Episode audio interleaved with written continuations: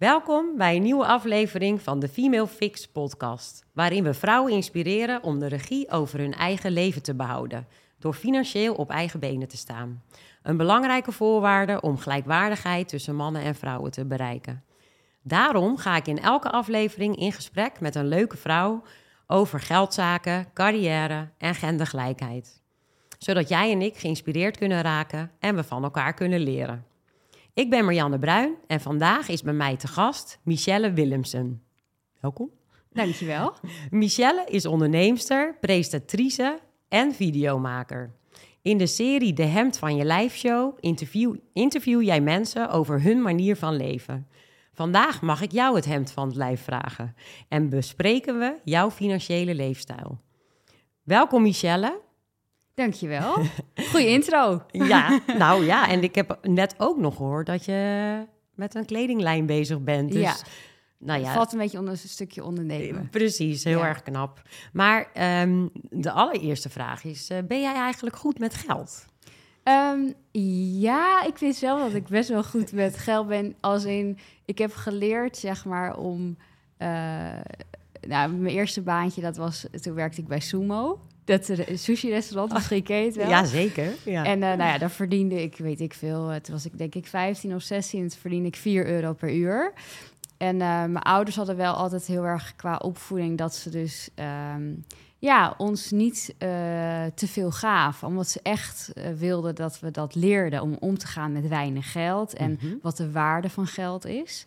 Eh, dus we hadden het thuis best wel goed. Ehm, alleen ze hebben wel bewust ervoor gekozen om ons ja, toch op te voeden dat we het allemaal zelf moesten doen. Zonder al te veel hulp, zeg maar, op financieel vlak. Ja, en je Ja. zegt ons, dus je hebt een broertje. Heb Ja. je nog meer? eh, nee, ik heb een broertje, die is eh 2,5 jaar jonger dan ik. Dus Ja. die is nu 26, 27. Ehm, En dan ja. ben jij 29, want je was ook jarig hè, Ja. afgelopen week. ja. ja, 29 net. Nog een jaartje. Nog een jaartje, ja. Ja. Ehm, nou, hopelijk heb je ook wat eh, geld gekregen voor je verjaardag. Ja, ik heb geld gekregen voor mijn verjaardag. Ja, echt. Ja. ja, want ik ben bezig. eh wij hebben een, eh, ik heb met mijn vriend een huis gekocht vorig jaar. En ehm, daarbij hebben we best wel een grote verbouwing gedaan. Dus we zijn nu bezig met de tuin. dus ik heb geld voor gras gekregen. ja. En voor echt gras of voor ja, voor echt gras. Ja. Je wilt wel echt gras. ja, ja, vind ik wel leuk. En waar heb je huis gekocht?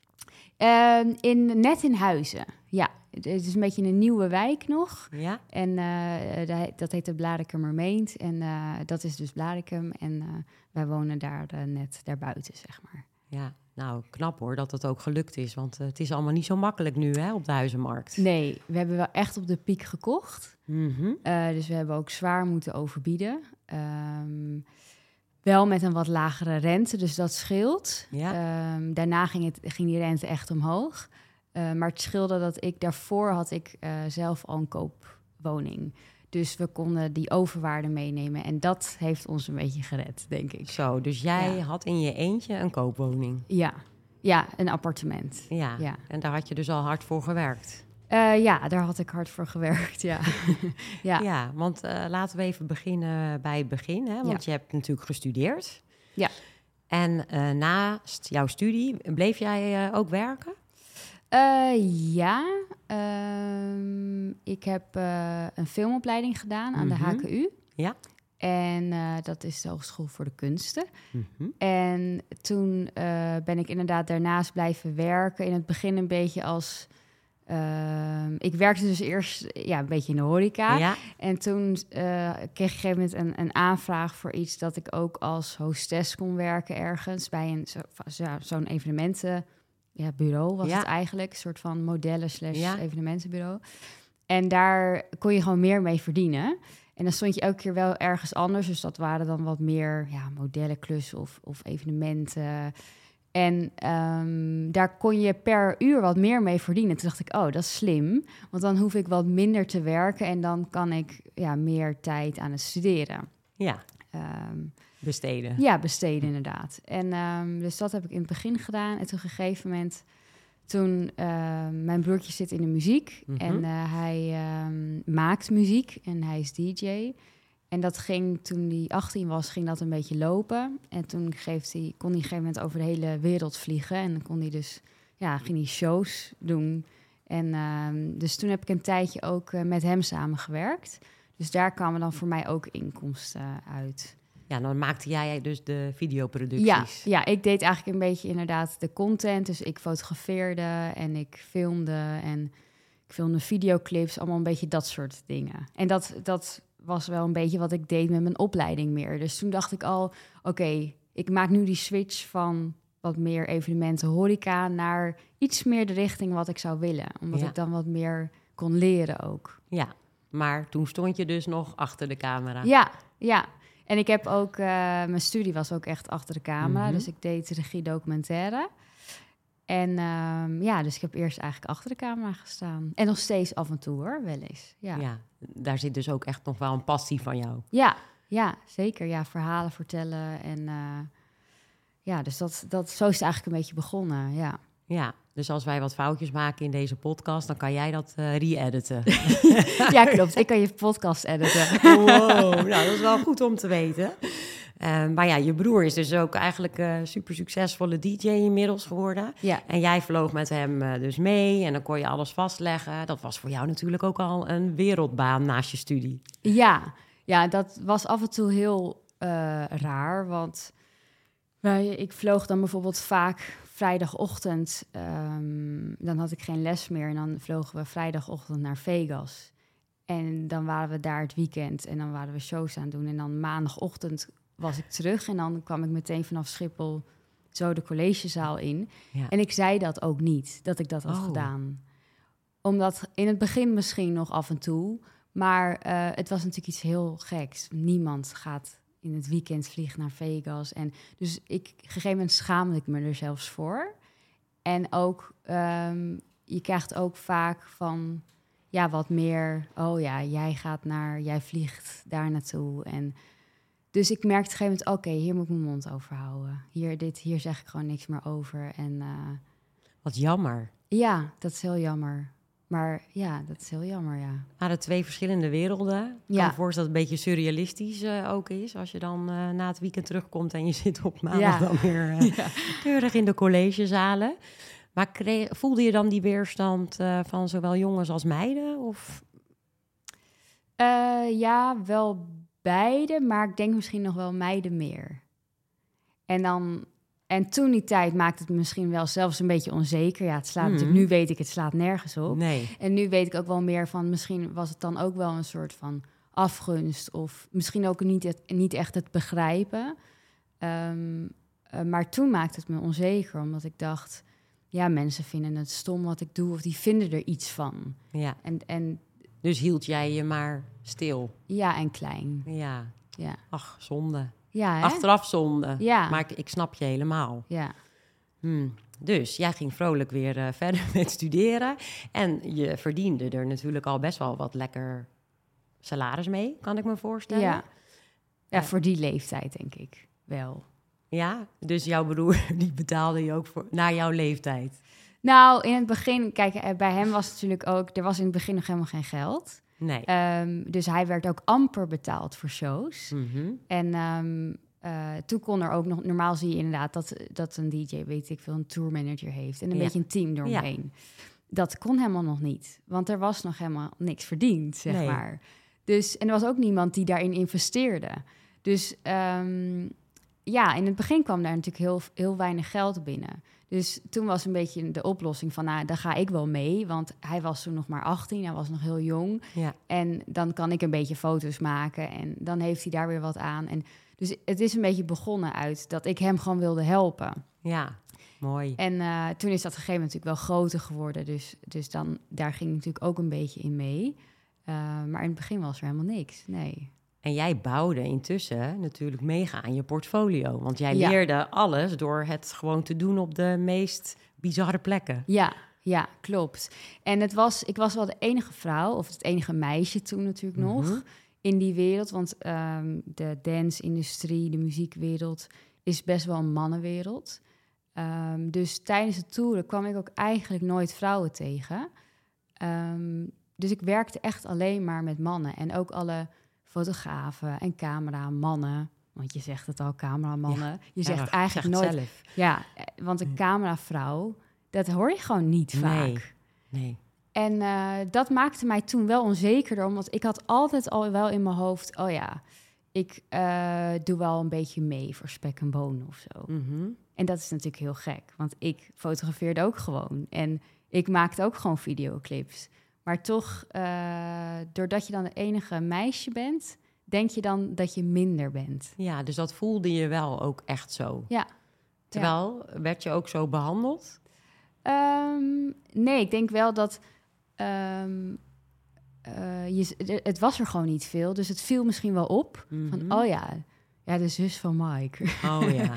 ja, dan krijg je dat. Ja. Ehm, dus en, en misschien ook wel daarom, dat, omdat je natuurlijk ja, de zus van dan Mike was, dat, je, Mhm. dat je ook al bij jezelf misschien dacht, oh ja, dan nemen ze me iets minder serieus. Serieus. En verbaasde het jou dat er helemaal geen vrouwen achter de camera stonden? Ehm, ja, en ik, ik weet eigenlijk niet beter, omdat het altijd dan zo is geweest. Mhm. Dat het vooral mannen waren. Ik werkte gewoon heel veel met mannen. En ook op mijn studie waren er ook wel veel jongens. Mhm. Ehm, maar Terwijl jij een hele creatieve studie eh, deed. ja, maar de Ja. filmopleiding en vooral Mm. natuurlijk dan ja, de, de camera en dat soort dingen, dat, daar waren dan veel mannen op. En productie deden bijvoorbeeld wel wat meer vrouwen. Dus het produceren van eh, films of van video's. En regie waren ook wel af en toe wat meer vrouwen bij. Ja. Ehm, maar ik zag wel juist van. ehm, en ook bijvoorbeeld in die muziekwereld. Als jij bijvoorbeeld een vrouw als manager hebt, als artiest zijnde, dat Mhm. kan ook heel veel voordelen hebben. Dus ik vond dat wel jammer dat er eigenlijk nog zo weinig vrouwen, eh, maar ook meetoerden. Ja, Dat- en dat- welke voordelen biedt het dan als je een vrouwelijke manager hebt? Ehm, nou, het zijn natuurlijk voornamelijk eh, mannen die dus DJ zijn. Je hebt ook nu echt wel veel vrouwen, maar eh, toen die tijd waren echt wel de artiesten waarmee ik meetoerde, dat waren allemaal mannen. Mhm. En eh daar krijg je op een gegeven moment zo'n mannenwereld Mhm. met elkaar. En dan zie je dat op het moment wanneer er één vrouw bij is, dat de hele dynamiek al verandert. Mhm. En ik denk ook dat een vrouw veel meer denkt aan eh, bijvoorbeeld zo'n artiest persoonlijk. Gaat het goed met hemzelf? Is dit echt goed voor hem persoonlijk?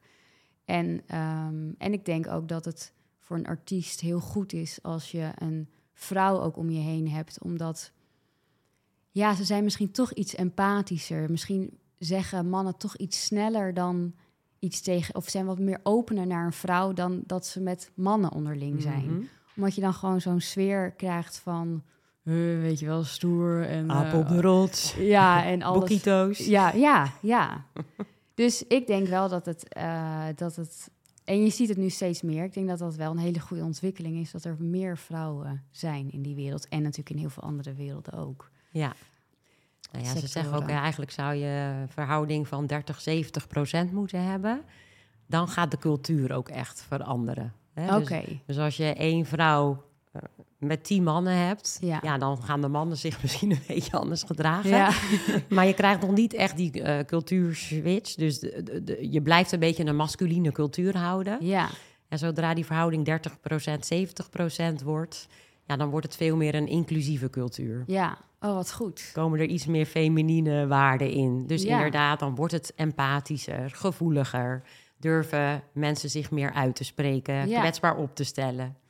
Dus wel fijn hè, dat, dat ook in de muziekwereld en in de mediawereld je nu wel een andere dynamiek ziet ontstaan. Ja, zeker. Ik denk dat dat heel belangrijk is. Ja, ja. want ja, het is nog maar pas geleden dat er toch weer wat eh, machtsverhoudingen naar boven kwamen. Ja, je bedoelt in de mediawereld. Ja, Ja. zeker. En, en dat verbaast me ook wel weer niet dat dat allemaal nu pas naar boven komt. Je merkt ook hierin, denk ik, dat mensen het lastig vinden om en is één te zijn, om zich in hun eentje uit te spreken. Mhm. Maar als er vervolgens hè, meerdere vrouwen zich gaan uitspreken, en hashtag MeToo was dat natuurlijk ook een beetje, Ja, ja, dan opeens dan vormt er zich een front en durven ze ook echt het gevecht aan te gaan. ja, en dan heb je toch het gevoel dat je sterker bent. Absoluut. Sterker staat met wat meer dan in je eentje. Ja. Maar, heb jij eh, daar wel eens last van gehad? Ehm, nee, eigenlijk niet. Ehm, eh, nee, eigenlijk op dat vlak waar jij het nu over hebt, dat niet. Mhm. Maar ik heb wel eens gemerkt, inderdaad, dat je toch, eh, of in ieder geval het gevoel hebt gehad dat eh, mannen wat sneller serieuzer werden genomen dan vrouwen. Ja. En ik heb ook wel eens een keer, ik, heb, ik heb bij een bedrijf gewerkt waar ik ehm, dezelfde functie had als een man. Mhm. En eh, toen kwam ik er gegeven moment achter dat hij meer verdiende dan ik. En hoe kwam je erachter? Ja, door te vragen. Ah, dus zo bij de hand was je wel dat je... nou, na, na een tijd, ik denk na, ehm, nou, ik denk na een half jaar, dat ik op een gegeven moment eh, toch wel een beetje ging polsen van, hé, hey, wat, eh, we doen eigenlijk allebei hetzelfde. Want we, we deden, we moesten dezelfde taken doen. En met sommige dingen deed ik misschien nog wel iets meer. Ehm, als in dat ik ook edit erbij. Mhm. En eh, toen op een gegeven moment merkte ik dat, dat hij dus iets meer verdiende. En ik snap het, aan de ene kant kon ik het ook wel begrijpen, omdat hij wat meer naam had, zeg maar, voor die functie. Als in hij had dat al wel langer gedaan. Had hij meer werkervaring? Ehm, nou, ik denk, ik denk dat hij. Nou ja, meer werkervaring. Hij is wel volgens mij een jaar of twee jaar ouder dan Mhm. ik. Ehm, maar ik denk dat we allebei op een ander vlak in de mediawereld werkervaring hadden. Ja, precies. Dus eigenlijk waren jullie gelijkwaardig. Ja, en uiteindelijk, als je ziet ook naar de taken wat we deden, uiteindelijk, weet je, eind van de dag doe je allebei hetzelfde. Mhm. En ehm, dus toen heb ik toen toch wel gedacht van, oké, ik ga dit misschien toch wel aankaarten. Ook al vond ik dat wel heel spannend, Mhm. want dat zit niet echt in mij. Ehm, en toen zeiden ze inderdaad van, ja, je hebt gelijk. Dus we gaan dat nu recht trekken. Toen dacht ik wel, oh, oké. En bij wie gaf je het aan? Bij Ja, dat was dus mijn leidinggevende. En was dat een man of een vrouw? Ik had er twee. Eh, ik denk dat dat toen die tijd, ik denk dat dat een man was. Oké, nou, een Ja. goede reactie. Ja, toch? Ja. Ja. En dat is gelijk rechtgetrokken en is Ja. het ook gecompenseerd? Nee. Nee. Nee. En ja, weet je, dan is toch weer die ondertoon dat ik dacht van ja, maar weet je wel, hij heeft misschien wat meer naam gemaakt. Mhm. Dus dat dat daardoor zo kwam. En je gaat natuurlijk ook, wij, wij zaten nieuw op die functie. Mhm. Dus je gaat allebei natuurlijk een onderhandeling in voordat je zo'n baan aanneemt. Ja. Eh we deden het wel allebei als freelancers. Dan ga je het natuurlijk toch los van elkaar, want wij kenden elkaar nog niet, ga je onderhandelen. Nou, en daar kwam dus blijkbaar bij beide een ander bedrag uit. Zo. Nou, wel echt dapper van je dat je je hebt uitgesproken. Ik kan me voorstellen Ja. dat het helemaal niet zo eh, makkelijk is. Nee, nee, zeker niet. Maar het is dus wel heel belangrijk om te praten over je salaris. Ja. Want, want doe je dat ook wel eens met je vriendinnen? Ehm, weinig. Als in, ik, ik vind dat soort gesprekken altijd wel heel interessant. Mhm. Eh, maar ik merk toch wel dat, ehm, ja, dat vriendinnen om me heen daar wat... Toch, ja, misschien dat er toch nog een beetje een taboe op ligt. Dat je niet praat over bedragen. En je hoeft echt niet natuurlijk letterlijk te zeggen Nee. hoe en wat. Maar ehm, ja, er wordt weinig gepraat inderdaad over bedragen of eh, omstandigheden. ehm, en ik zou, daar, ja, ik zou daar wel meer over willen praten met mensen. Omdat ik, ik denk ook dat je heel erg van elkaar kan leren Ja. daarin. Zeker weten. En ik weet zelf ook nog, ik werkte dan in eh kroeg. En als er dan een groep mannen stond, hè, dan hoorde je heel vaak eh, van... nou, wat verdien jij, wat verdien jij? Ja. En dat ging hup zo door die hele kroeg heen. Ja, En toen dacht ik ook, oh jee, dit hele gesprek heb ik nog nooit met mijn vriendinnen gevoerd. En ik zou het al helemaal niet uitschreeuwen ja. wat ik verdien. Ja bizar hè? Maar waar, hoe, hoe denk je dat dat komt dan? Ja, toch denk ik omdat we wat bescheidener zijn misschien. Ja, Ja, en ik denk ook wel weer dat dit toch ook een beetje ingesleten cultuur is. De mannen die eh, zorgden vroeger voor het geld, voor het huishouden. Ehm, en, en de vrouwen die waren er voor de kinderen. En ehm, mannen die, eh, daar is het gewoon heel normaal voor om over geld te praten of om met financiën bezig te zijn of naar de langere termijn te kijken. Eh, het kopen van een huis, het regelen van de hypotheek, de belastingaangiftes. ja, onderzoek blijkt ook dat gewoon, nou, in twee derde van de gevallen is het toch nog steeds de man die zich daarmee bezighoudt. Ja, toch wel nog. Toch Ja. wel nog. Dus hè, daar gaan wij heel snel veranderingen in aanbrengen. Ja. Maar helaas is het gewoon nog wel zo. Dus ik denk ook dat het gewoon een beetje ingesleten is. eh, dat vrouwen er wat lastiger over praten. Ook is het onder mannen nog steeds wel een taboe. Hè. Het is niet zo dat elke man maar eh, Mhm. over inkomsten en uitgaven praat. Maar eh, vrouwen doen dat gewoon veel minder dan mannen. Ja.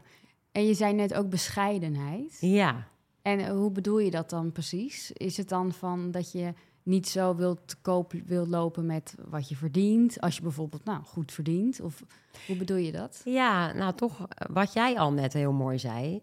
je vloog de hele wereld rond. Hè? Je, je was aan het werk, je maakte die documentaires.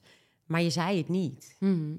Ehm, je wilt misschien niet te veel boven het... eh, ehm, hoe noem je dat? Maaiveld? Ja, niet te ver boven het maaienveld uitsteken.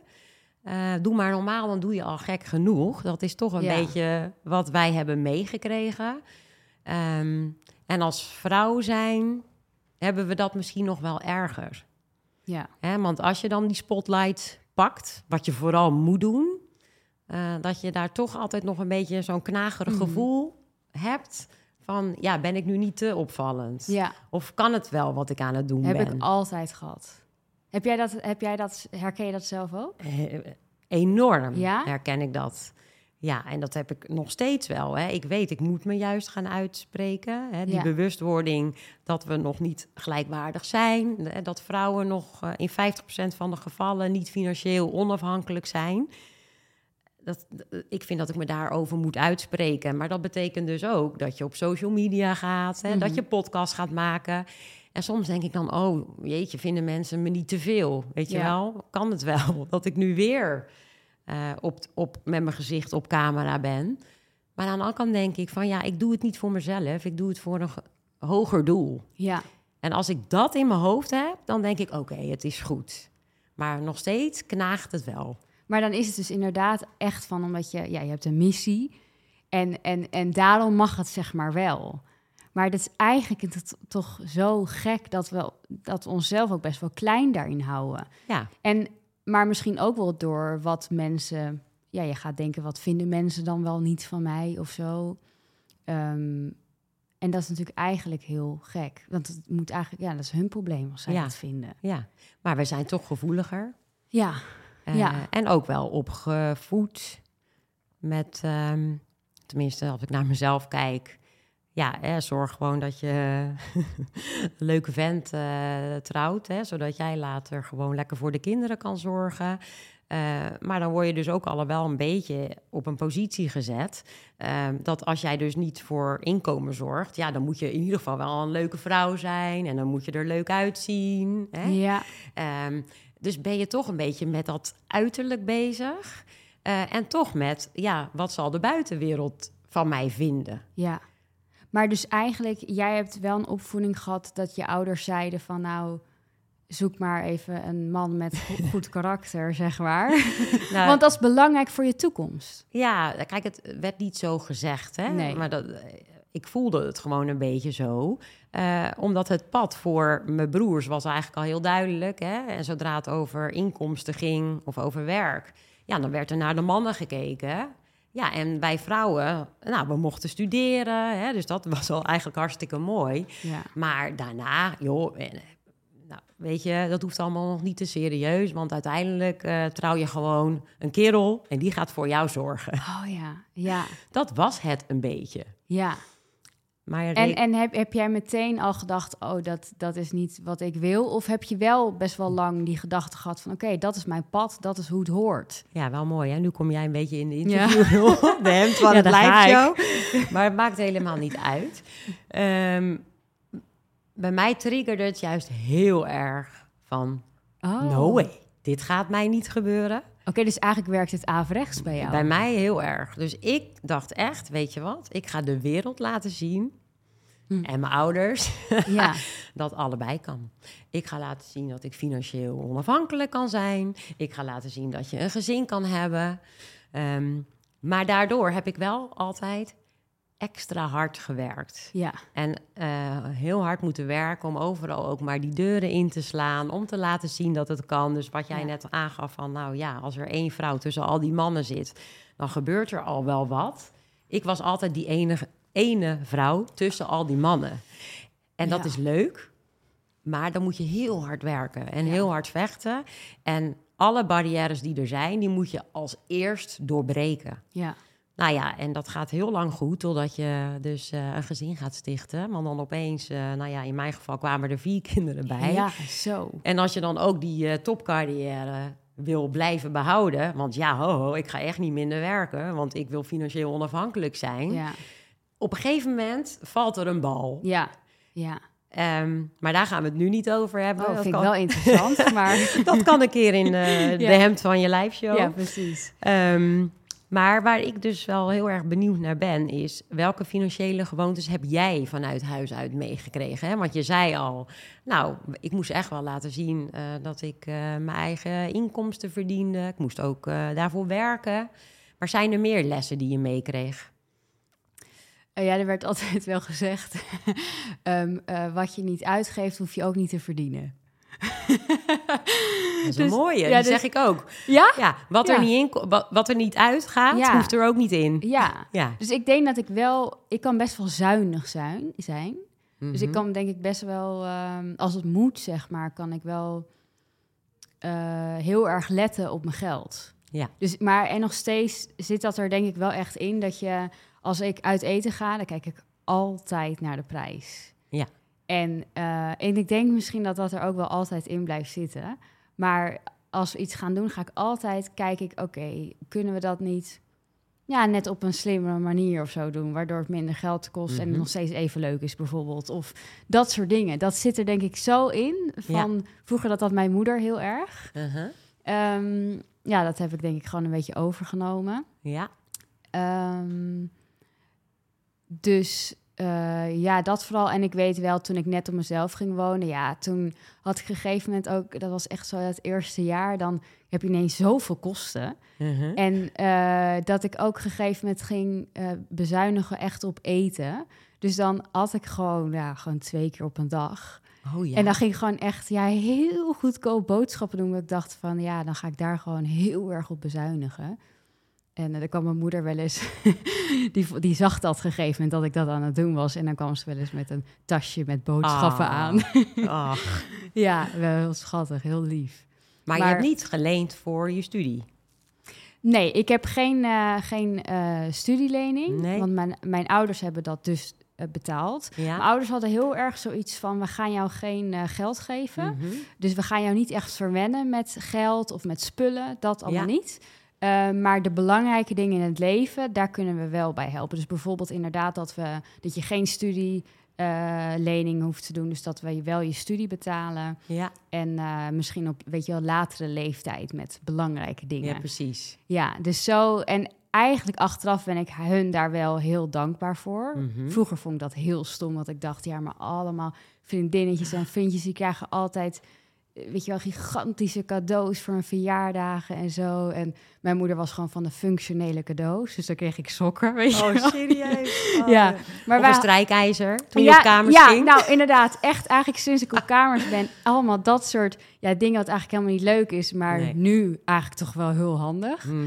Ehm, maar dat heeft wel ervoor gezorgd eh, dat ik, ja, dat ik wel redelijk, denk ik, met geld om kan gaan. Ja. En dat ik de waarde van geld ken. Ja. Denk ik. Ja. Ja. nou, dat, zo klinkt het wel. Dat je wel Ja. echt bewust omgaat met waar je je geld ook aan uitgeeft. Ja, dat is zeker. Ja, Ja. ja. Maar kan je er dan wel van genieten als je dan af en toe ergens geld aan uitgeeft waar je lang voor gespaard hebt of je wilt iets echt super graag? ja. Kan je er dan wel van genieten? Nou, in het begin heel moeilijk. Want dat is eigenlijk een beetje misschien wel die keerzijde van inderdaad zo'n soort van mindset hebben. Mhm. Ehm, van, weet je wel, bezuinig op alles en, en geen gekke dingen doen. Ehm, maar eh, wat ik bijvoorbeeld heel belangrijk vond, was dus een huis. Omdat ik dus best wel een huismus ben. Oh. Ondanks alles wat ik doe, Ja. ben ik best wel een huismus. Mhm. En ik dacht, ja, voor mij is eigenlijk een basis met een, heel, met een fijn thuis, dat vind ik heel belangrijk. Dus daar heb ik dus best wel veel geld aan uitgegeven. Ehm, en daar kan ik inderdaad nu wel heel erg van genieten. Ja, dus... En het komt wel langzaam dat ik steeds meer denk, oké, weet je wel, ik ga gewoon heel bewust kies ik ervoor om hier veel geld aan uit te geven. En dat vind ik dan ook helemaal prima. Ja. ja. En hoe oud was je dat je je eerste huis kocht? Um, ik was toen, ik denk 25. Uh, eh, ja. Ja, ik denk 25. Ja. En dat heb je toen helemaal zelf gedaan? Of hebben je ouders je daar nog wel een beetje in kunnen helpen? Nou, uh, ze hebben geen geld gegeven. Mm -hmm. uh, dus ik, heb, ik ben op een gegeven moment een tijdje... Um, ik woonde samen met, uh, met een vriendinnetje. En toen op een gegeven moment dacht ik... ik ga nu thuis weer wonen om geld te sparen. Ja. Dus dat heb ik een tijd toen dus weer gedaan. Want ik werkte toen wel al volop. Dus ik ja. wist dat ik best wel veel geld kon sparen dan. Mm -hmm.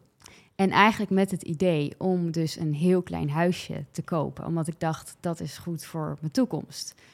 Um, terwijl eigenlijk alle vriendinnen nog aan het feesten waren. En weet ik het was, was ik gewoon eigenlijk best wel... Ik leef altijd in de toekomst. En ik moet oh ja? leren om veel meer in het nu mm -hmm. ook te leven. Um, maar ik was dus met dat soort dingen bezig. En... Um, toen uh, heb ik volgens mij, ja, toen zat ik gewoon echt te kijken van uh, ja, hele goedkope huisjes, appartementjes uh, in de buurt. En wel ook wel wat bezichtigingen gedaan. Alleen op een gegeven moment, die prijs ging toen al zo snel omhoog. Ja. Dat het op een gegeven moment niet meer haalbaar was. Mm -hmm. Omdat ik nog als ondernemer moet je drie jaar cijfers laten ja. zien. En die, ik had die drie jaar nog niet. Dus, um, en daar waren ze ook best wel streng op. Dus het lukte niet. En toen um, kwam uh, mijn moeder op een gegeven moment met... ja, wat we ook kunnen doen, is dat we een familiehypotheek kunnen doen. Mooi. Ja, en um, nou, toen zei ze dat gaan uitzoeken en zo, hoe dat dan werkte. Ja. Um, en toen zeiden ze van, nou ja, we willen wel, we willen dan wel uh, een, een, stukje investeren in die hypotheek. Ja, ja, dus eigenlijk inderdaad, ik had bij hun het is hetzelfde als bij een bank lenen. Ja. Ik had bij hun een lening. Um, maar ik hoef natuurlijk dan niet die drie, drie jaar cijfers te laten zien. Ja. En ik kon wel maandelijks gewoon mijn hypotheek betalen. Want dat had ik qua inkomsten makkelijk. Ja. Um, en ik had bij hun ook rente. Dus ik moest ook rente ja. betalen. Dus het was eigenlijk hetzelfde, dezelfde manier als lenen bij een bank. Alleen mm -hmm. dan, dan was het zeg maar van familie. Uh, dus er is ook helemaal een contract bij de notaris opgesteld van uh, zo, dit moet je maandelijks betalen. En gewoon eigenlijk hoe het normaal ook gaat. Ja. Uh, dat hebben we beide ondertekend, dus, dus mijn ouders en ik. En toen hebben ze gezegd van ja, je krijgt voor de rest zeg maar geen cent, maar we willen je dit wel lenen. En toen dacht ik, oké, okay, dit is dus zo'n voorbeeld waar ze het vroeger Precies. over hadden. Van um, we geven niet je zo geld, maar als we ergens kunnen helpen, helpen dan, dan doen we het. Dus, ja. dus dat is voor mij denk ik wel een hele goede start geweest. Ja, en ja. het mooie hieraan vind ik ook weer, ze, ze geven je eigenlijk geen geld. Hè? Je, ja. Ze maken jouw lening mogelijk. Ja, dat is het eigenlijk geweest, ja. Ja, nou wel uh, mooie opvoeding ook. Ja, ja, dat vond ik ook, ja. Ja, en dus je bent altijd ondernemer geweest. Je bent nooit in loondienst nee. gegaan? Nee. En hoe ging je met die onzekerheid om? Want ik kan me ook voorstellen wat je zegt, hè, van nou, ik, ik geef niet zomaar geld uit. Ja. Uh, dat je het ook wel fijn vindt als jij weet wat er per maand binnenkomt. Ja, ja dat was natuurlijk elke maand anders. Ja. En, en dat is ook van, ja, eigenlijk vanaf het begin altijd al geweest. Mm -hmm. um, en daar zat ik ook wel, vooral in het begin zat ik daar ook wel erg mee. Mm -hmm. uh, dat, je, dat ik ook wel vaak natuurlijk stress had met maanden, dat je gewoon heel weinig verdiende. Ja. En dat je dus van inderdaad van, van het geld wat je gespaard had moest leven. Ja. Um, en ik ging heel vaak een soort van, dus die negatieve kant opwegen tegen de kant dat je vrijheid hebt. Precies. En dat je dingen kan doen, misschien wat meer wat je leuker vindt. En en dan won altijd de vrijheid. Oh ja? Ja. Dus voor mij, ik ben er ook wel achter gekomen dat vrijheid, het gevoel hebben van vrijheid, uh -huh. dat is het vooral, ja. is voor mij het allerbelangrijkste. Dus um, ik heb wel eens aan gedacht. Op een gegeven moment, er was er soms misschien een paar maanden in het begin dat het niet, dat, nou, dat er weinig inkomsten waren. En dan dacht ik wel eens, oké, okay, ja, misschien shit, ik moet misschien toch in dienst, Mhm. mm -hmm. want dit gaat niet goed. Nee. En dan toch weer gekozen voor nee, ik blijf het proberen, zeg maar. En dan, uh, ja, dan, dan ging het, liep het op een gegeven moment weer toch. Ja. En ehm, ja, altijd het gevoel gehad van ja, deze vrijheid, dat doet mij zoveel goed. En eh, A, voor mijn gezondheid. Mhm. Ik merkte op een gegeven moment na al die jaren dat ehm, ja, mijn gezondheid gewoon wat minder werd. Mhm. Omdat ik op een gegeven moment ook wel zeven dagen in de week werkte. En ja, dan ga je te eigenlijk... veel ja, op je vork. Ja, en dan ga je een gegeven moment Mhm. over je grenzen heen. Ja. Ehm, maar ja, ik, ik denk dat ik nu een soort van zo verpest ben. Als in op het gebied van dat je zelf een beetje je tijden kan indelen. Dat je echt wel wat meer je eigen leven kan indelen. Mhm. Als ik nu bij een bedrijf zou moeten werken, maandag tot en met vrijdag, ik denk dat ik dat best wel moeilijk zou vinden. Ja. Voor een langere tijd. Dus misschien wel voor een periode zou dat best, ja, dat zou Ja. dat natuurlijk prima kunnen. Maar ik denk voor langere tijd dat ik dan wel, ja, daar moeite mee heb. Maar goed, toen je te veel eh, hooi op je vork nam, was je dan niet, was je niet in loondienst, maar Nee. je, ging, je nam zoveel opdrachten aan. Ja, Ja, en daar heb je dus ook van geleerd van oké, ik wil die vrijheid, ja, maar het betekent niet dat ik dan eh, me moet laten verleiden om zeven dagen in de week te gaan werken. ja, ja. Dat is ook geen vrijheid. Nee, nee, helemaal niet. En ik had mezelf ook heel erg mee, want ik merkte dat ik heel veel stress kreeg Ja. daardoor. En ehm, eh, ja, en gewoon mijn gezondheid gewoon wat minder ging. En daardoor ook als je fysiek wat minder voelt, dan is het automatisch ook dat je mentaal wat minder gaat voelen. Ja, En dat is wel een periode geweest dat ik dat wat meer had. En toen dacht Mhm. ik wel, oké, hierna moet het wel echt anders. ja, En eh, dat is daarna eigenlijk wel goed gegaan. Ja, omdat je dan veel meer die balans een beetje Ja. weet voor jezelf. ja. En heb je daar een beetje hulp bij gekregen? Ja, ja, Ja. zeker. Ja, dus ik heb wel, eh, ja, eigenlijk wel door, met meerdere mensen. Dus eh, een, ja, wat, een beetje een mediacoach. Ja, hoe om te gaan ook wel met, met sommige stressdingen, Mhm. met, met bepaalde... ja, ik moet toch, toch vaak presteren. ja, Op ineens, weet je wel, op een bepaald eh tijdstip op de dag moet je er helemaal zijn. En dan moet je echt aanstaan. Ja.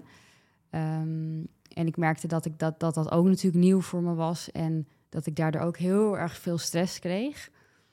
Ehm, dus op een gegeven moment had ik een beetje het gevoel van mijn lichaam heeft een soort van constante stress. Ja. Het kan niet relaxen. nee. En wat jij, jij noemde net het woord genieten. Ja, ja. Ja, ik snapte nooit genieten. Wat is genieten? Waarom gebruiken mensen dat woord?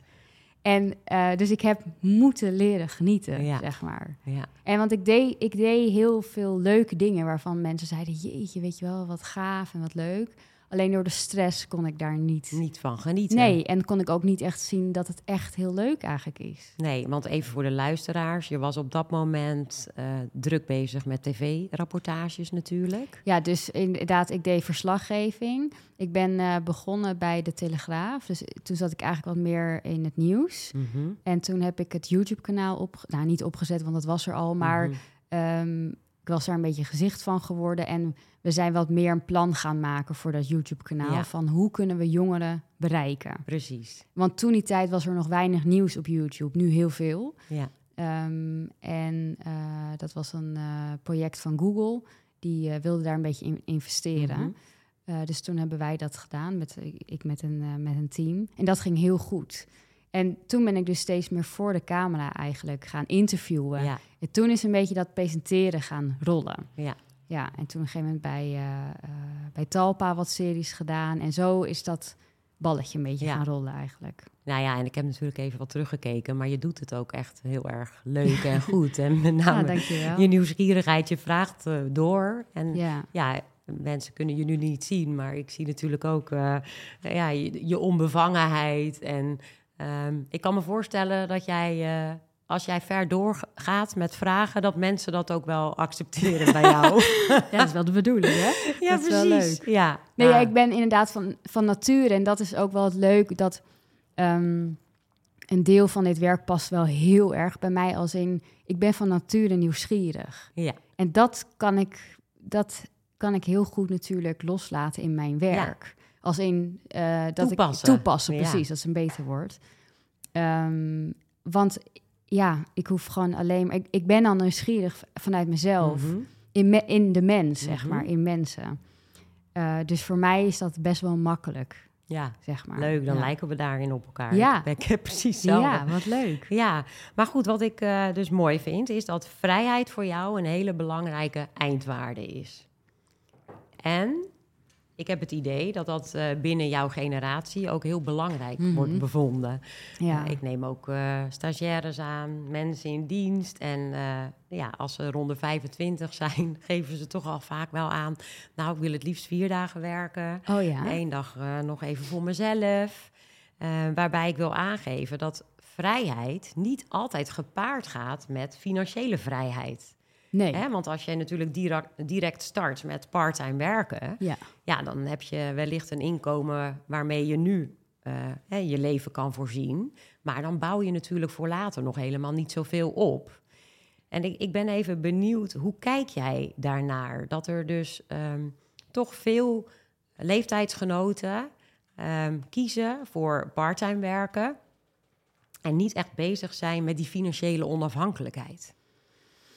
Ehm, ja, ik snap het dus, om- omdat ik natuurlijk een beetje, ja, ik ben een millennial en volgens mij zijn de millennials een beetje de generatie, eerste generatie die wat meer is gaan kijken van oké, maar het kan ook anders.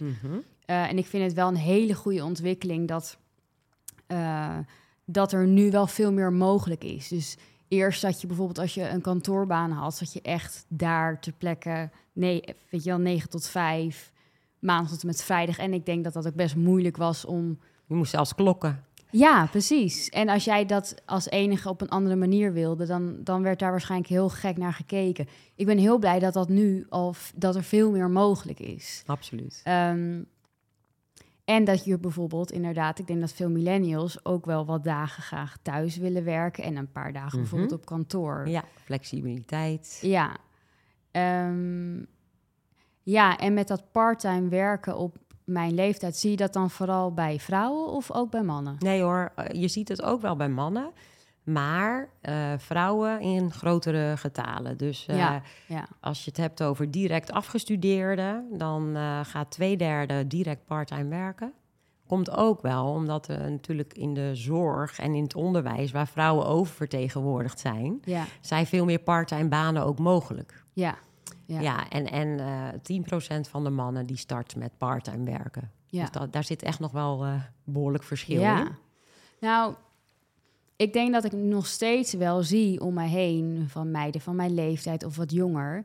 ehm, dat die nog wel een beetje het ouder, nou niet helemaal, maar er zit nog wel iets van het ouderwetse in. Mhm. Als in dat best wel veel gaan inderdaad nu minder werken.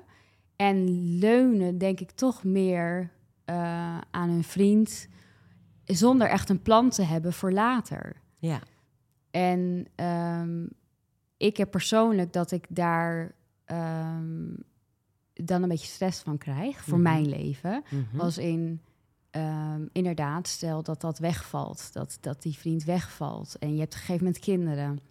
Hoe doe je het dan? Ja, Dus ik heb een hele sterke wil van, ik wil helemaal onafha- financieel onafhankelijk zijn. Ehm, ja, zeg maar ook van mijn vriend. Dat stel we gaan uit elkaar, dat, dat ik nog steeds mezelf kan redden. ja. Ehm, Maar jij bent ook heel bewust met de toekomst bezig, hè? Ja. Dat gaf je al aan. Ja. ja. ja, maar ik denk zeker dat er heel veel meiden zijn en vrouwen die dat wat minder hebben. Als in, het is wel fijner, want je bent wat meer leef je in het nu en je hebt misschien wat minder stress erover, Ja. wat ik wel eens kan hebben. Eh, maar ik denk wel dat het heel belangrijk is. Alleen, ehm, ik denk dat we er gewoon nog te weinig over weten. Ja, Weet precies. je wel, eh, je had net een gesprek, of vorige week, wanneer Ja, het wordt uitgezonden, uit. Ja. Ehm, over beleggen en zo. Nou, zo, al van mijn leeftijd zoveel meisjes die daar totaal niet mee bezig zijn. En andere dingen om inderdaad uiteindelijk financieel onafhankelijk te worden. Ik denk dat dat ook een beetje educatie is en dat we daar gewoon dat daar veel meer over gepraat moet Mhm. worden. En het is ook zo, en dat zo heb ik ook heel lang gedacht en over sommige onderwerpen nog steeds, dat het veel te ingewikkeld is. ja. Dat je denkt, ik begin er niet eens aan, want ja, dit doen, dit doen oudere mannen of zo, die zijn hiermee bezig, maar ik ben daar nog en te jong voor. Ik snap dat allemaal niet. Mhm. Ik ben een meisje. eh, ik vind het ook helemaal niet leuk, die materie. En ik denk dat we, Al die barrières weg moeten nemen. ja, Ja, Dus we moeten financiën leuker gaan maken. ja, eh à la de wellness clubs, waar ik het straks over ga hebben met je volgende gast, zou Ja. je bewijs van ook een eh, female finance club kunnen oprichten. Bewustwording. nou, ik, ik, ik word lid. Jij wordt lid. Ja, Ja, en, en wellicht dat hè, dit soort podcasts daar ook bij gaan helpen. Maar mijn vraag aan jou is, hè, want jij zit helemaal in je millennial doelgroep.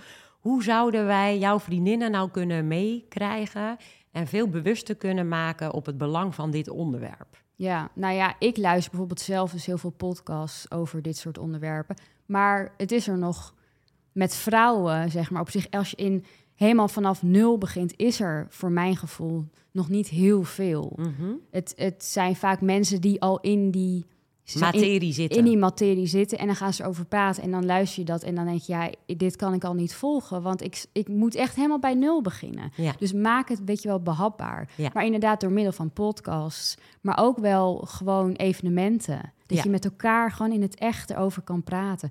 Of online iets, dat je bijvoorbeeld online elke week of elke maand bijvoorbeeld met bepaalde onderwerpen, dat je in een call zit of in een Zoom Mhm. gesprek. Of in ieder geval met wel vrouwen bij elkaar. Ja. Ik denk dat dat, eh, maar daar ben jij misschien nu meer mee bezig natuurlijk. Ja, nou ja, er is een hele mooie female eh, finance community. Die Ja. is al eh, online beschikbaar. Dat is dan, dat heet Elfin. ja. Betaal je per maand ja. een bedrag. Oh ja, Eh, en dan krijg je ook toegang tot eh, allerlei financiële informatie. ja. Eh, Maar dan is dat een, een beetje een behapbaar bedrag. Want ik zie dat heel veel meiden dat dan al te, te duur vinden, Ja, precies. zeg maar. Ja, Dus dan denken ze, nou ja, laat maar. en wat is voor jou een behapbaar bedrag? Hè? Ja. Nou ja, dat is natuurlijk voor iedereen anders. Anders. Maar hoeveel is dat nu bij hun? ja, ik weet het niet precies, maar ik dacht dat het rond de 15 euro per maand Oh ja, eh, nee, dat, lag. dat, dat Mhm. vind ik wel redelijk. Ja. Mhm. ja, want ik denk dat bij 15 euro dat wel veel... Dat is ook een abonnement voor de Netflix of eh Videoland of precies. zo. Ja. ja, en ik denk ook wel dat het helpt eh, dat je fysieke bijeenkomsten organiseert. Waar vrouwen ook echt met elkaar en dat je het bewijzen van combineert met, nou, je hebt een female sessie, maar daarna gaan we het ook hebben over talentontwikkeling. Ja, ja, Hè, hoe kan ik jou nou in je kracht zetten? ja, Eh, dus, dus dat het niet alleen maar puur over finance gaat. ja. Dat je Ja, want dat zijn, dat zijn natuurlijk ook dingen wat heel belangrijk is. Inderdaad, Precies. doe je iets wat dicht bij jezelf staat? I- Is het iets wat, je- wat je passie is, wat je leuk vindt? Ja, Want dan hou je iets vol. En ik denk dat je dan ook veel sneller succes kan krijgen. En ja, daar geloof ik gewoon wel echt in. zeker. En dat je daar ook makkelijker je geld mee gaat verdienen. Ja, Ja, en hoe zorg je er dan voor dat je het goed beheert en dat je ook voor die langere termijn dus eh, geld Ja. gaat opbouwen? ja. Hey, want hoe doe jij dat nu? Want jij bent dus ondernemer. Nou, je hebt volgens mij verschillende inkomstenbronnen. Ehm, doe jij dan je financiën zelf? Of heb je Ik- een accountant? Ik heb een boekhouder. Ja, Ehm, die doet dus zeg maar de btw-aangiftes en eh, eind van het jaar Mhm. belastingaangiftes. En als ik vragen heb, dan kan ik daar natuurlijk terecht. ja. Maar voor de rest doe ik het wel zelf, ja. Maar dat is voor mij, was dat al, dat had ik al niet in het begin. Mhm. En ehm, het was echt een zooitje bij mij in het begin. ja. Want ik snapte er nog helemaal niks van. Dat is ook weer zo'n onderwerp, weet je wel, belastingen. ja, En ik had zoiets van, oh, ik snap er helemaal niks van. Dus ik ga er maar niet aan denken, Mhm. weet je wel. Dus dan blok je hem. ja, Ja. en wegstoppen en zo. Ja. Maar ja, dan komt, komt het drie keer zo hard terug. Want dan heb je allemaal weer dingen niet gedaan. En, eh, dus toen dacht ik wel, oh shit, ja, dit moet echt wel heel erg veranderen. Dat was echt Mhm. toen ik in het begin, toen ik ondernemer werd. Ja, Want mijn ouders zijn beide geen ondernemers. Dus ik moest dat maar een beetje zelf gaan uitzoeken. ja. Maar kreeg je hulp? Eh, ja, ik kreeg wel hulp. Maar ja, mijn ouders wisten het ook niet echt. Nee. Nee. Want normaal, dat werd bij hun zeg maar dan gedaan. Dus, dus die met ondernemen en, en als ZZP'er met btw-aangifte, dat, dat snapte zij ook niet echt. Nee. Ehm, zij deden ook totaal niks met financiën eh, qua werk. Dus eh, ja, dat heb ik toch wel een beetje zelf in het begin verkloot. Ja, ja. Nou ja, gewoon meer dat je je administratie niet op orde Mhm. hebt. En daar, daar kom je dan natuurlijk heel erg, loop je daar tegenaan. Mhm. Dus daar leer je van, oké, ik moet toch echt wel iets gaan doen. Dus Heb je geld verloren daardoor, doordat je het niet op orde had? Ja, wel met boetes Mm. en zo. Oeh, ja. Ja. dat is echt zonde. Ja, dat is echt Mhm. zonde, ja. Eh, maar goed, dus nu een boekhouder. En dan heb je gewoon natuurlijk zo'n systeem... waar je alles voor jezelf ook veel overzichtelijker hebt. Mhm. Ehm, dus dat heb ik. Maar ik vind wel dat ik nog meer eigenlijk... Nou, qua, qua belastingen en administratie bijhouden... dat gaat allemaal goed. Ja, Maar ehm, ik zou wel sowieso wat meer tijd willen stoppen in eh, nog wat verder kijken. Dus waar jij het net over had, over beleggingen en dat Mhm. soort dingen. Dat, dat is denk ik nu een beetje een hoofdstuk Ja, waar ik in, in ga stappen. Ja, ja. ja. Dus je hebt het voor nu aardig op orde. ja, ja, Beetje structuur aangebracht. ja. Eh, werk je ook met automatisch eh, geld overmaken? Nee, dat nog niet. Nee. Nee, dus ik maak zeg maar zelf mijn facturen dan in dat systeem. En Mhm. dan, eh, dat doe ik dan, dat regel ik dan wel zelf. En dan komen er automatisch wel herinneringen en zo. Ja. Als iemand niet heeft betaald.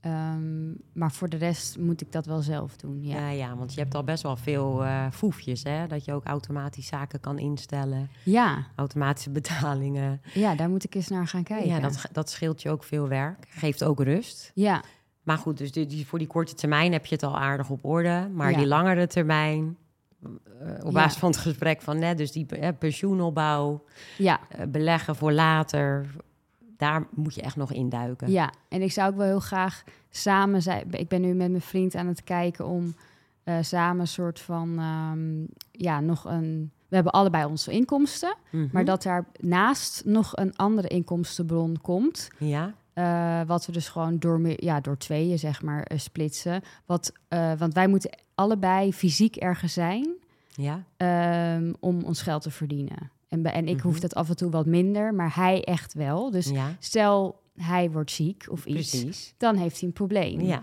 Dus we zijn nu een beetje aan het kijken naar, ehm, ja, wat, wat zouden we nog meer kunnen doen?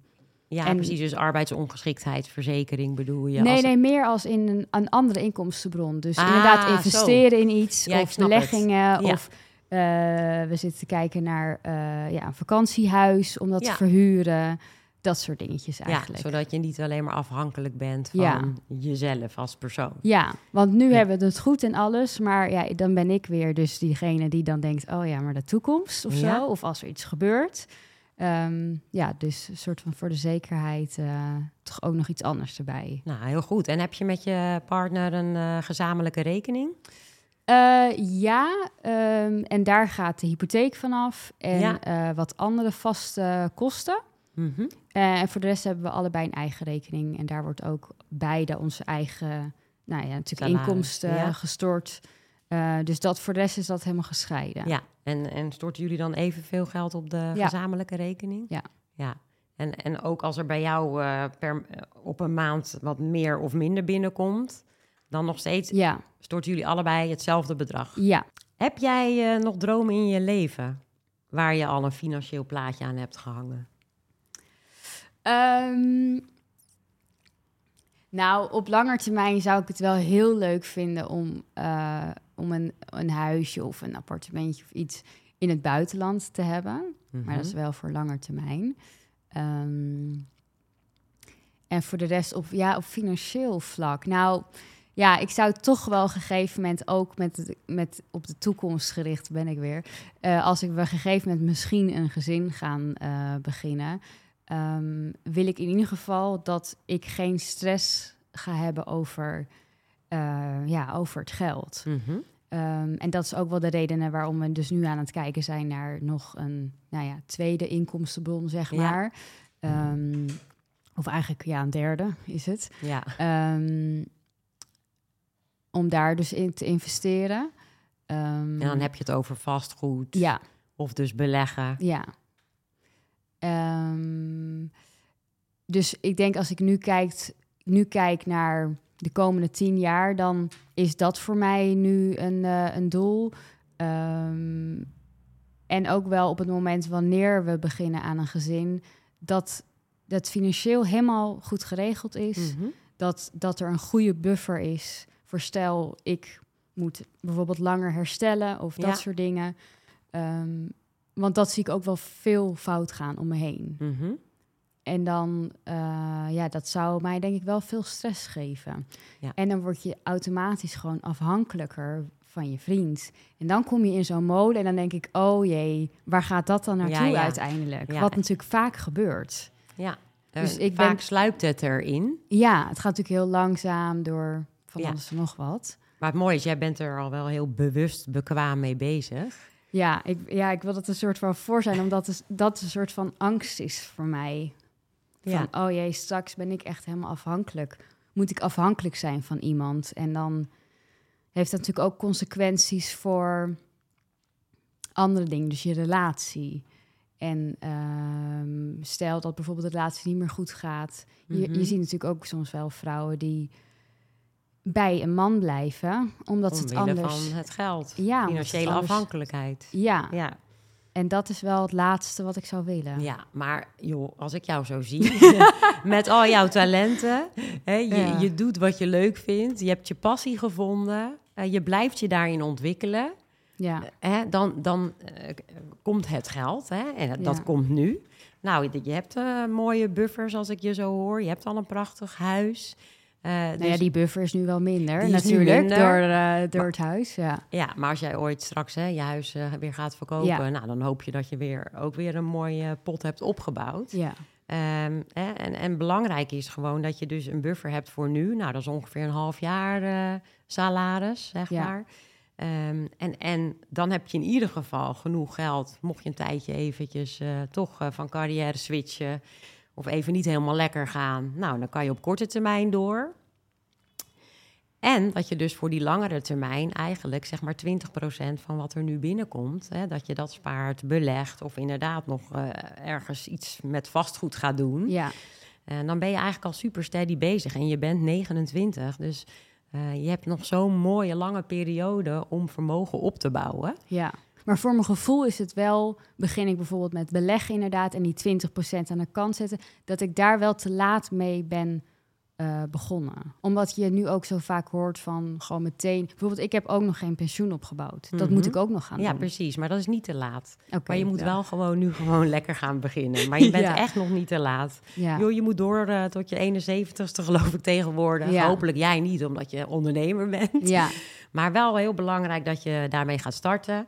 Nou, en daar gaat eh, de Female Fix je ook bij helpen. Want daar Ja. staan per levensfase dus tips in... wat je eigenlijk zou moeten doen. Dus als je dat stapsgewijs doet... nou, dan eh, ben je helemaal eh, vink-vink. ja. Maar dit, is, dit boek is natuurlijk ook heel goed voor jonge meiden om dit, om dit te lezen. Absoluut. Gewoon Ja. dat je al helemaal bent voorbereid. Wat gaat er komen? En, en ben ik een beetje goed bezig? Wat zou ik Ja. nu bijvoorbeeld nog kunnen doen? Ja, en preventief is zo lekker, hè? Want jij Ja. maakt je nu eigenlijk zorgen, hè? Mhm. Terwijl jij je misschien helemaal geen zorgen hoeft te maken. Ja, Ehm, maar ook al die zorgen wegnemen, dat is zo lekker. Hè, je wil je gewoon geen zorgen hoeven maken over je financiële situatie. ja, Ehm, en jij bent dan al heel erg toekomstgericht. De meeste mensen zijn dat niet. Nou, en hoe je dus die toekomstgerichtheid financieel kunt regelen, dat staat eigenlijk ook eh, in het boek. ja. Dus dat eh biedt je handvatten. Goed gedaan. Goed geschreven. Want Nou, ik heb een stuk gelezen. Oh, echt? Ja, ik heb het nog niet helemaal uit. Maar inderdaad, wat je zegt, het kan ook eh, wat meer. ehm, ja, hoe noem je dat? Wat je net zei, dat het ook wat meer rust kan geven. Omdat je denkt, oh, eigenlijk heb ik al best wel wat gedaan. Ik dacht dat ik er slechter voor stond, bijvoorbeeld. Ja, en het is juist niet met vingertje wijs. Het is veel meer, oké, wat kan ik nu in Ja. deze fase doen... om er later Ja. eigenlijk geen stress van te krijgen. Ja. En hoe jonger, hoe beter. Maar ik wil je onwijs bedanken, Michelle. Ik, ik vond het echt een onwijs leuk gesprek. Ook heel leuk om je te leren kennen. Ja, vond ik ook. Ja, en eh, heel veel succes met alles eh, wat je gaat doen. Wat, wat je gaat doen. maar eh, ik denk dat wij eh, nog heel veel van jou gaan zien en ook veel van je gaan horen. En dan eh, komen de financiële consequenties daar heel positief uit. Ja, Weet ja. ik zeker. Dankjewel voor het gesprek. En als je ooit een community begint, dan heb je alvast een eerste lid. Superleuk. Ja. Dank je wel, hè. Ja, jij bedankt.